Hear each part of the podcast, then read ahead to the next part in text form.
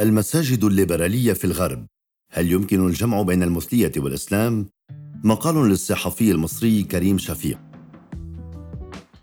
منذ أن باغتت عالمة الفقه الأمريكية الإصلاحية المسلمة أمينة ودود العقل المتشدد بظهورها وهي تؤم مجموعة مختلطة من المصلين في الكنيسة الأنجليكانية في منهاتن عام 2005 احتدمت النقاشات الفقهية حول ما فعلته الباحثة التي اعتنقت الإسلام منذ نحو خمسين عاماً هل تنجح امرأة في تبني رؤية حقوقية نسوية من داخل الحيز الديني؟ ودود التي قفزت فوق الموروث الفقهي البطريركي والمحكوم بطبقة تاريخية سميكة وذكورية سعت إلى تطبيق مفهوم ديناميكي للشريعة بحسب ما تقول يمكن الانفتاح على إمكانيات جديدة للنص دون التقيد بحرفية تعبيراته ومن ثم يمكن للإسلام الاستجابة للقيم التي تفرضها المجتمعات الحداثية وما بعد العلمانية. لودود دور تجديدي في علوم التفسير أتاح لها إمامة الصلاة صاغت فهما للدين من خارج الهرميات السلطوية والعرقية والثنائيات الجندرية. ثمة محاولات متفاوتة لإيجاد إسلام تعددي يقبل بالتنوع والاختلاف والتميزات. وهذه المساحات المحتملة والجديدة تهدف إلى السماح بصعود اتجاهات دينية تجريبية تصطدم بالنسخة التقليدية من الإسلام أو بالأحرى تحريره من عملية الماسسه التاريخية والمصادرة التي تمت من قبل السلطة والحكومات المركزية. الهامش الذي توفره الحريات الدينية في الغرب ساهم في حماية تجارب عديدة منفتحة مثل التي قامت بها صاحبة القرآن والمرأة بعد إمامتها الصلاة. ثم جواز ترديد الآذان بصوت امرأة بل وتدشين عقود زواج تتضمن شروطا مدنية ومنها رفض التعدد والجمع بين أكثر من زوجة مع الأخذ في الاعتبار أن هناك حالات مماثلة في المجتمعات العربية. حاولت تقديم مقاربات فقهية ودينية تخالف السائد والتقليدي في بيئتها منها بعض طروحات وآراء المرجع الشيعي محمد حسين فضل الله في لبنان والذي وقف على النقيض من بعض السرديات الشيعية. سواء التاريخية أو الميثولوجية مثل رفضه مبدأ الولاية التكوينية. بعث دي إم رشد غوت مؤخرا على خلفية دعم عدد من أئمته حقوق المثليين الجدل من جديد بشأن ما يمكن تسميته بالاتجاهات الليبرالية الإسلامية في الغرب. إذ أنها تحاول تأمين بيئة روحانية للأفراد المختلفين والمنبوذين على أساس خياراتهم الجندرية وميولهم الجنسية التي لا تقبل بها المجتمعات التقليدية والمحافظة. غير أن الكاتبة الألمانية من أصول تركية سيران أطيش مؤسسة المسجد قالت إن هذا الحدث مهم للغاية إذ يظهر أنه لا يتعين على أفراد مجتمع الميم عين المسلمين الاختيار بين إيمانهم وهويتهم الجنسية وإنما يتم قبولهم على هذا النحو.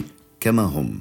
إذا المبدأ الليبرالي هو السائد والحاكم في الغرب والولايات المتحدة ومن ثم فإن دعم أي فكرة غير تقليدية عن الدين أمر وارد ومقبول. فيما نجد الحكومات تدعم مثل هذه الأفكار طالما لا تحرض على العنف الذي يرتبط بالمقدس بشكل أو بآخر حسب ما يوضح عاصم حفني أستاذ الدراسات الإسلامية في جامعة مونستر بألمانيا. ويقول حفني لدرج ترى حكومة ألمانيا مثلا في هذا المسجد فرصة لإبراز صور أخرى أو أفكار مغايرة عن بعض المسلمين ربما تبتعد بهم عن العنف. وبغض النظر عن تفسير موقف الغرب أو الحكومة الألمانية من القضية فالموضوع ناشئ بالأساس من رغبة بعض المسلمين في أداء طقس معين. هذا أمر يقبله أي إنسان عاقل. فالدين في نهاية المطاف عبارة عن تلقي شخصي ويتابع صحيح هناك التزام مفروض وتقليدي فيما يخص مسائل العبادة داخل أي دين وبالتالي لم يعتد المسلمون أن تأتي المرأة للإمامة أو قبول المثلية الجنسية قبولا دينيا رغم أن الاخيره موجوده في التاريخ الإسلامي وما زالت قائمة. ويلمح أستاذ الدراسات الإسلامية في جامعة مونستر بألمانيا إلى أن هذه المبادرات عندما ترتبط بأغراض سياسية تكون المشكلة، لكن اللافت في المبادرة أنها تحمل اسم شخصيتين تاريخيتين ابن رشد وغوتا لهما ثقل معرفي وثقل علمي وأيضا ثقل تنويري مؤثر، وكلاهما كان يدعو للتقارب والفهم العقلاني للدين والتشريع وربطه بالحكمة والعقل والمنطق، لذلك فإن الاسم يعطي قدرا من القبول سواء في الشرق أو في الغرب. وثمة نقطة أخرى لافتة وهي أن المسجد يقع داخل قاعة مستأجرة في كنيسة بروتستانتية بما يؤشر إلى طبيعة الفكر الثوري الاحتجاجي الذي نجح في تخليص المسيحية من هيمنة الكنيسة الكاثوليكية وأفكارها المتشددة. ومن ثم طرح إمكانية التغيير في الإسلام أو الإصلاح الديني لمواجهة التقاليد الكلاسيكية. يتخوف حفني من أن تقع التجربة الدينية الإصلاحية تحت وطأة التوظيف السياسي وقد وصفت وزارة الشؤون الدينية التركية المسجد بأنه مؤامرة يقودها المعارض السياسي الكردي عبد الله أوجلان وبالتالي فإن محاولات ربط المبادرة الإصلاحية بصورة متعسفة قصرية بأي حركة سياسية أو شخصية معارضة قد تضطرها إلى الوقوع في فخ حمولات سياسية. ولا تعد فكرة المساجد الجديدة في أوروبا كونها أمرا جديدا أو مباغتا فهي تعود إلى مبادرات فردية لأشخاص أوروبيين من أصول مهاجرة مسلمة أو أشخاص تحولوا إلى الإسلام في العقود الأخيرة. هؤلاء لم يقتنعوا بالمساجد التقليدية التي بنتها الأجيال الأولى من المهاجرين المسلمين والتي نقلت إليها مفهوم وطقوس وتقاليد الإسلام المنتشر في البلاد التي يتحدرون منها لا سيما تركيا وبعض الدول العربية. هذه المساجد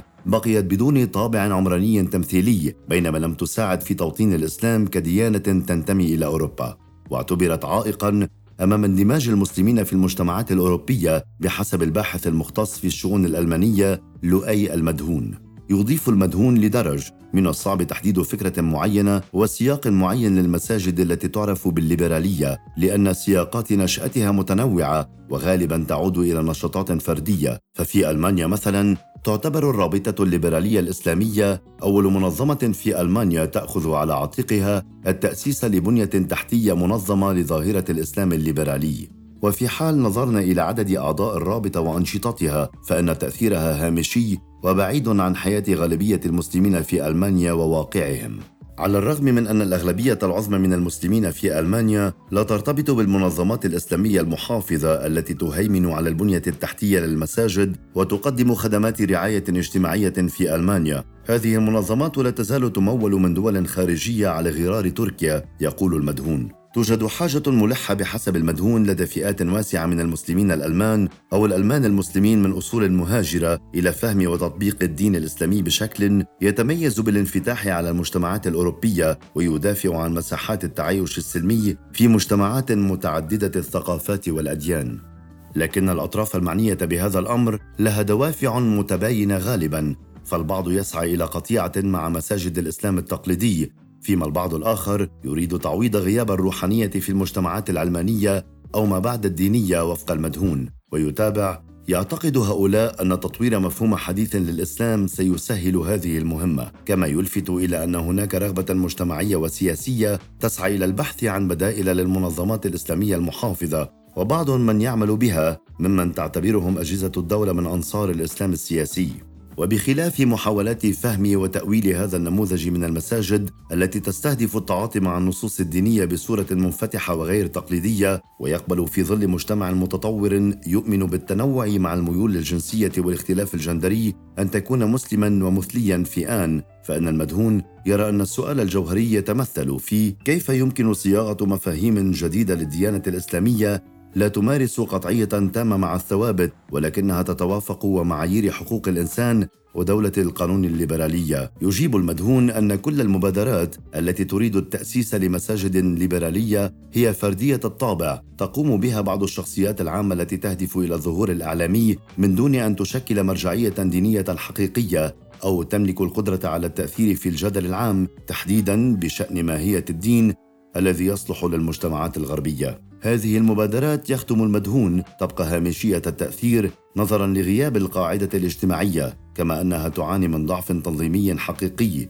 تجاهل غالبية تقاليد الإسلام طقوسه شعائره أو حتى القطيعة الكاملة معها لا تؤسس لإسلام ليبرالي حقيقي. هذا الأمر يتطلب نقاشا مفتوحا بين المسلمين فضلا عن بنية تحتية وتوضيح دور الشريعة الإسلامية في دولة القانون العلمانية.